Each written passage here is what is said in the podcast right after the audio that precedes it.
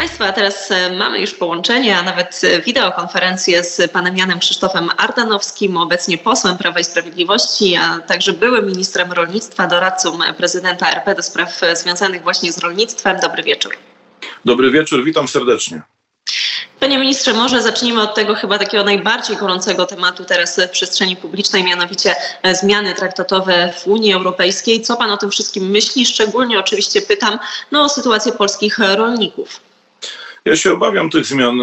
Unia Europejska konsekwentnie kroczy w kierunku, y, którego my jako Polska y, nie akceptujemy.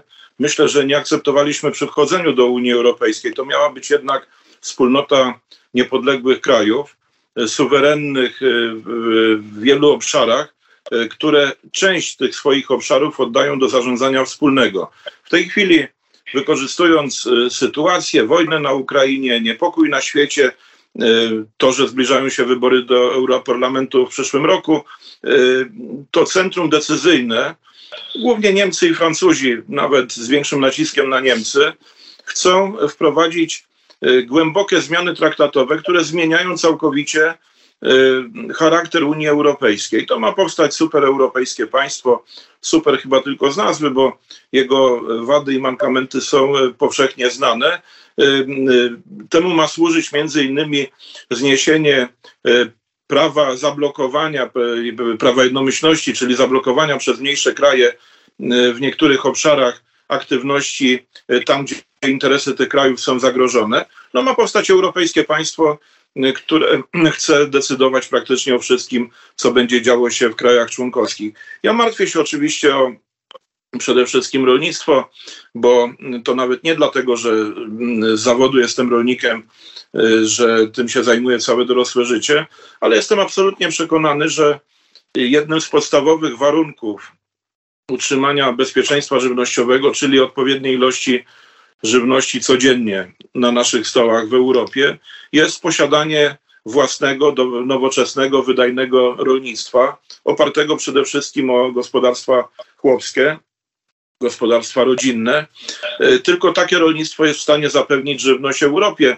Natomiast słyszymy, i to zapewne będzie miało też odzwierciedlenie e, w tych zmianach e, i decyzjach, które będą zapadały już wyłącznie w Brukseli, podejmowane przez urzędników brukselskich, notabene nie podlegających żadnej weryfikacji wyborczej, demokratycznej.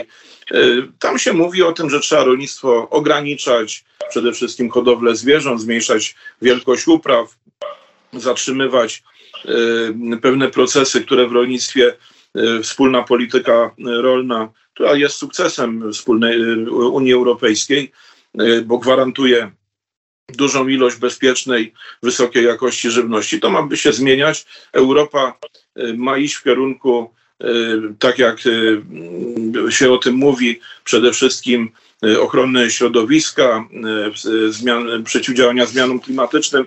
Tam, gdzie rolnictwo może być szansą i wsparciem, to w tym rolnictwie upatruje się przyczyn i nieszczęść zmian klimatycznych, a żywność do Europy ma być dostarczana czy z Ameryki Południowej, czy z Ukrainy.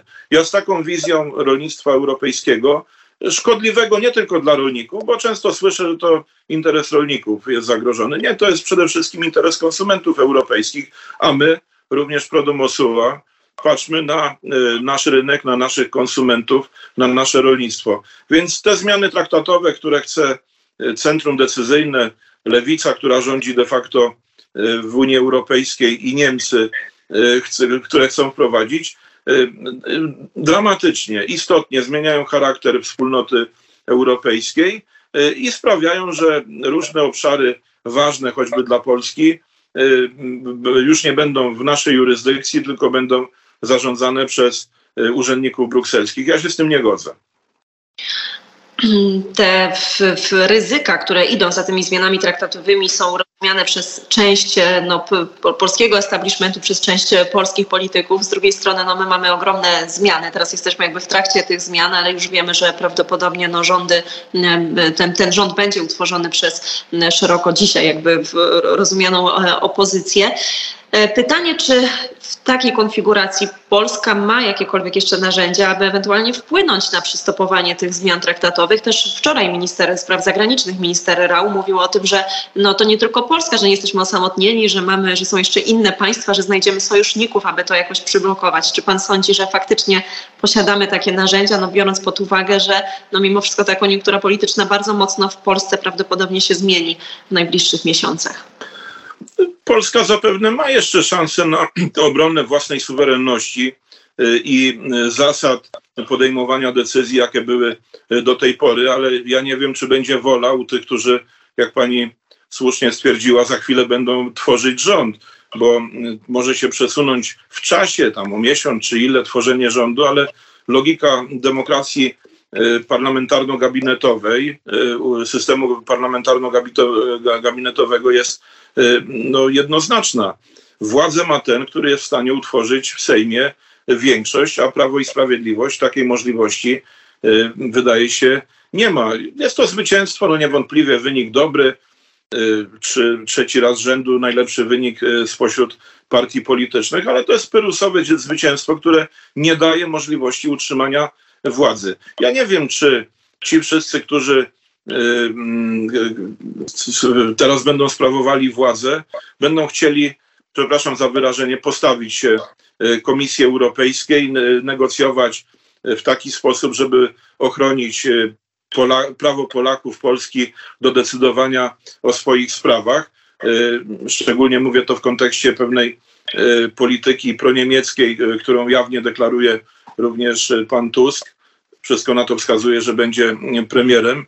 E, więc czy Polska będzie chciała, jest pytaniem e, ważniejszym niż to, czy będzie w stanie budować jakieś koalicje. Ja nie mam szczególnych złudzeń e, odnośnie mniejszych krajów, które to w Polsce upatrywały i upatrują pewnego psa, pierwszego psa w zaprzęgu.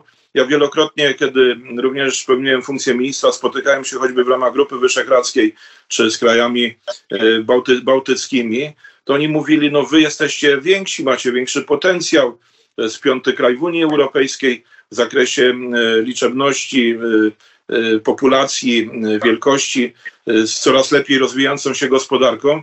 Wam wolno więcej niż nam mniejszym. Te mniejsze kraje będą zdominowane przez dwa największe, czyli przez Niemcy i Francję, które będą wykorzystywały, jak wielokrotnie bywało, sposoby Y, nacisku, szantażowania, wymuszania na tych mniejszych krajach głosowań y, takich, jakie będą sobie życzyły. Myślę, że te procesy w Europie y, można jeszcze powstrzymać, ale nie mam żadnej pewności, a raczej obawy, że rząd, który powstanie w Polsce, w mniejszym stopniu będzie zajmował się E, sprawami ważnymi dla Polski, obroną polskich interesów, a raczej wpisaniem się w tę poprawność polityczną, w mainstream e, Europy Zachodniej. Europa zmienia się na, na naszych oczach, jest kwestionowanie aksjologii europejskiej, ty, tych zasad, na których Europa się ukonstytuowała. I niestety ci zwolennicy właśnie nowego człowieka europejskiego, szkoły frankfurckiej, Gramsciego, y, ci zaczynają dominować, a ci, którzy wygrali w Polsce y, y, de facto wybory, będą tworzyć rząd. Może poza PSL-em tu zrobił ten wyjątek. Sądzę, że tam zdrowy rozsądek jeszcze jest. Ci będą raczej starali się nie tylko nie antagonizować, ale wręcz przypodobać się rządzącym w Unii Europejskiej. Pojawiły się ostatnio, na, ostatnio nawet takie głosy, że tak duże turbulencje i tak duże e, zmiany, które, że nawet mogą spowodować polexit, takie głosy, że Polska być może nie będzie chciała w niedalekiej nawet przyszłości no, być częścią tej nowej już Unii, o której, o której mówimy. Nie, ja nie sądzę, żeby taki był scenariusz. Zresztą ja w 2003 roku, kiedy było referendum, kierowałem wtedy najważniejszą polską organizacją rolniczą, izbami rolniczymi i jako jedyna organizacja e, wezwaliśmy polską wieś, polskich rolników do głosowania za wejściem do Unii Europejskiej. Nie dlatego, żebyśmy byli przekonani, że ona rozwiąże wszystkie problemy. E, dość powiedzieć, że często rozwiązuje problemy, które sama stworzyła, ale w sytuacji geopolitycznej, jestem o tym absolutnie przekonany, z Rosją na wschodzie, my musimy starać się trzymać ze wspólnotą Europy Zachodniej. Historycznie jesteśmy fragmentem kultury Zachodu, tylko pytanie, czy to jest taka Unia, do jakiej wchodziliśmy? Wydaje się, że nie. No, no właśnie, panie Tutaj muszę wejść jednak słowo, bo tutaj powiedział Pan o, no, o tym zagrożeniu, o wojnie, która, która jest za naszą wschodnią granicą. Z drugiej strony, jak pojawiają się te, te głosy dotyczące na przykład właśnie wpływania na kwestie obronności, na kwestie e, wojska. Polska jest no, w innej sytuacji niż Niemcy, e, niż Francja. Polska jest pe pewnie w bliższej sytuacji, nie wiem, do Litwy, do państw bałtyckich, jeżeli chodzi o to położenie geopolityczne i też o myślenie o naszej, o naszej strategii. A jaka wspólna polityka bezpieczeństwa? Przecież e, inne jest spojrzenie Niemiec na kwestie obronności, zupełnie inne jest spojrzenie Francji. Już nie mówiąc o tym, że no, Unia Europejska pokazała, że po prostu nie jest zdolna stworzyć żadnego wspólnego wojska, że to nie jest silne. No, my orientujemy się na Pakt Północnoatlantycki, bo tutaj gdzieś upatrujemy tej siły, która ewentualnie mogłaby, no, mogłaby pomóc w przypadku realnej agresji ze strony, e, ze strony Rosji. Ale czy Unia Europejska e, w ogóle jest w stanie, kiedy myślimy o tych głównych tam wiodących siłach, no, postawić się na takim miejscu i zrozumieć interes Polski? Nie, nie jest w stanie. E, słusznie pani zauważyła interesy flanki wschodniej NATO, czy tych krajów graniczących z Rosją, które będą krajami zapewne e, pierwszymi do zaatakowania przez Rosję, e, to nie znajduje jakiegoś szczególnego zrozumienia nie tylko u Niemców. Bundeswehra jest słabą armią. Interesy z Rosją, przecież oni się denerwują cały czas, że wojna na Ukrainie trwa i nie mogą wrócić do dobrych relacji handlowych y, z Rosją. Zresztą pokryjomu część firm niemieckich je w dalszym ciągu y, prowadzi. Y, Francja, która ma swoje interesy militarne, głównie w dawnych koloniach, Afryka, również nie będzie pewnie zainteresowana, jak w 1939 ginąć za Gdańsk, jak to wtedy powtarzano. Pozostałe kraje mają słabe armie, więc my, jeżeli chcemy liczyć na e, obronę Polski, a to jest naszym obowiązkiem, jest obowiązkiem każdego rządu, niezależnie jaką proweniencję polityczną on prezentuje, to musimy przede wszystkim liczyć e, na siebie i między innymi temu służą masywne zbrojenia, które Polska podejmuje, zwiększanie armii, również i zadłużanie się, bo przecież to wszystko kosztuje, nikt tam niczego w prezencie nie da, ale jest pytanie, jeżeli Y, mamy liczyć y, na, na to, żeby się bronić, to przede wszystkim musimy bronić się własnymi siłami. Tu przeciwwagą dla tej y, lekkomyślności, a może cynizmu krajów Europy Zachodniej, głównie Niemiec, są Stany Zjednoczone. Mamy wspólny interes z Amerykanami, ale czy tak będzie po wyborach w Ameryce?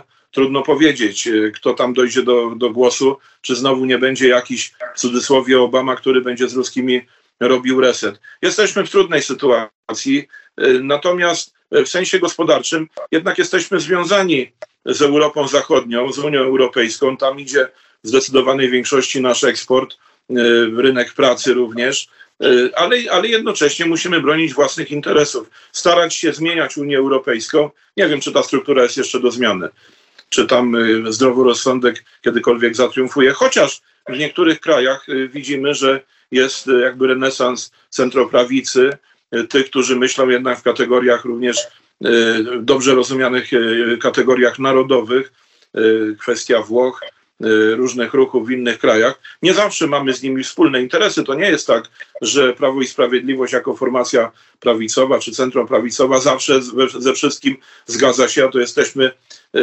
trochę tak szufladkowani z Orbanem czy tam z jakimiś innymi politykami w Europie Zachodniej, ale tam się pojawia również jakiś zdrowy rozsądek i może dlatego, że te formacje centroprawicowe wydawało się, że już nie będą miały nic do powiedzenia, a jednak wracają do gry. Dlatego rządząca lewica z Niemcami na czele, e, właśnie ze względu na zbliżające się wybory przyszłego roku do Europarlamentu, tak pośpiesznie chce teraz zmieniać zasady funkcjonowania Europy, żeby jakby przesądzić raz na zawsze i odciąć możliwość y, zmian w pozytywnym kierunku, czy utrzymania status quo y, po wyborach y, do Parlamentu Europejskiego. Powtórzę jeszcze raz. Nie sądzę, żebyśmy wychodzili z Unii Europejskiej. Polexit raczej nie jest realny. Natomiast musimy również jednak twardo bronić naszych narodowych interesów. Panie ministrze, ja przed, przed momentem, zanim zaczęliśmy rozmowę, robiłam też wywiad, rozmawiałam z Ewą Zajączkowską-Hernik, która startowała z list Konfederacji. Ona też jako dziennikarz wcześniej zajmowała się sprawami rolniczymi. Też rozmawiałyśmy o tych zagrożeniach, które płyną no, ze strony Unii Europejskiej. Jeżeli chodzi o rolnictwo, ona powiedziała, że no, chyba jedynym takim politykiem e, realnym, który miał e, wpływ e, na, na to, aby powstrzymać ewentualnie cały ten ruch i zadbać o polskie rolnictwo, był właśnie pan, tutaj padło pańskie nazwisko, to Jan Krzysztof, Krzysztof Ardanowski. No i mm, pytanie w takim razie, bo pan też bardzo mocno e, analizował jakby ten wynik Prawa i Sprawiedliwości, szczególnie w kontekście tych głosów oddawanych przez polskich rolników. Jakie, jakie są te konkluzje, jakie płyną no już po, po, po wyborach, jak e, PiS został, e, może w jaki sposób polska wieś odpłaciła się Prawu i Sprawiedliwości? To jest pytanie otwarte, tak? Całościowo za, za, te, za te lata rządzenia. Trudne pytanie. E, PiS wygrał w 2019 roku wybory dzięki e, dużo większemu niż w innych grupach społecznych e, poparciu mieszkańców wsi. Jeszcze lepszy wynik był w 2020 roku w wyborach prezydenckich. To był w ogóle rekord świata. Kiedy teraz słyszę, że jednak wieś poparła Prawo i Sprawiedliwość, to jest takie zaklinanie rzeczywistości. Szczególnie czyni to urzędujący minister rolnictwa i komisarz Brukseli, jakby e, twierdząc, że nic się e, panowie nie stało. Ano się stało. I trzeba oprzeć się na chłodnych danych. To już niczego nie zmieni, mleko się rozlało, ale można było te wybory wygrać. Różnie kilka procent, 5-6 procent było możliwych właśnie do uzyskania na wsi. Dlaczego o tym mówię? Dlatego, że biorąc pod uwagę frekwencję, która była w 2019 roku i obecnie. Ona na wsi trochę wzrosła oczywiście, ale była znacznie mniejsza niż w miastach. To pokazuje, że ludzie na wsi nie chcieli iść na wybory w takim stopniu jak reszta społeczeństwa. Poparcie y, na wsi spadło z 56,5% w 2019 roku y, y, do 45-28 chyba po przecinku procenta. To jest ponad 10% spadek poparcia.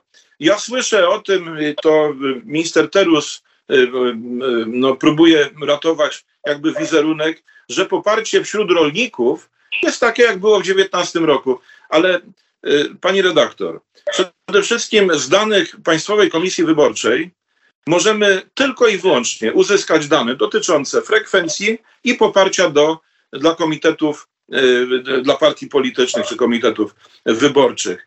To, kim kto jest z zawodu, to tylko i wyłącznie przy badaniu ankietowym y, przy exit polu. I wtedy y, tych wychodzących tam wyrywkowo pytano, jak głosowali i kim są z zawodu. I ci, którzy mówili, że są rolnikami, no rzeczywiście wskazali, że w 67% że głosowali na Prawo i Sprawiedliwość. Tylko my nie wiemy, ilu ich poszło do wyborów, bo e, chcę, chcę przedstawić jakby pewną logikę e, tego myślenia. Jeżeli na 100 zapytanych jeden by powiedział, że jest rolnikiem i głosował na Prawo i Sprawiedliwość, to by wyszło, że rolnicy w 100% głosowali na Prawo i Sprawiedliwość, co jest oczywistą nieprawdą. Zarówno spadek frekwencji jak i y, ubytek głosów na Prawo i Sprawiedliwość. Szczególnie to było widoczne w gminach tych najmniejszych do 5 tysięcy mieszkańców, bo to można agregatować. Tam mu było y, cztery, w stosunku do tego, co było 4 lata temu, było 410 tysięcy głosów. O tyle PiS miał lepszy wynik 4 lata temu. 410 tysięcy głosów. A w gminach od 5 tysięcy do 10 tysięcy ubyło 185 tysięcy głosów. Gdyby uwzględnić tamto poparcie, które było wtedy, to 56% poparcie na wsi i obecną frekwencję, to na wsi powinno, jeżeli by poparcie nie spadło, jak tutaj y, mm, zaklinają rzeczywistość, to byłoby około 800 tysięcy głosów na wsi więcej, których zabrakło. Więc y, PiS, mając szansę wygrać wybory po raz kolejny poparciem na wsi, tę szansę zmarnował, tę szansę stracił. Ja nie wiem, czy tam ktoś się w piersi uderzy, czy ktoś e, przyzna, że rzeczywiście było to nielogiczne i nie sposób prowadzenia kampanii wyborczej. Ja mam dużo uwag również i do kampanii, do mizernej oferty dla ludzi młodych, dla agres y, do, do agresywności tej kampanii.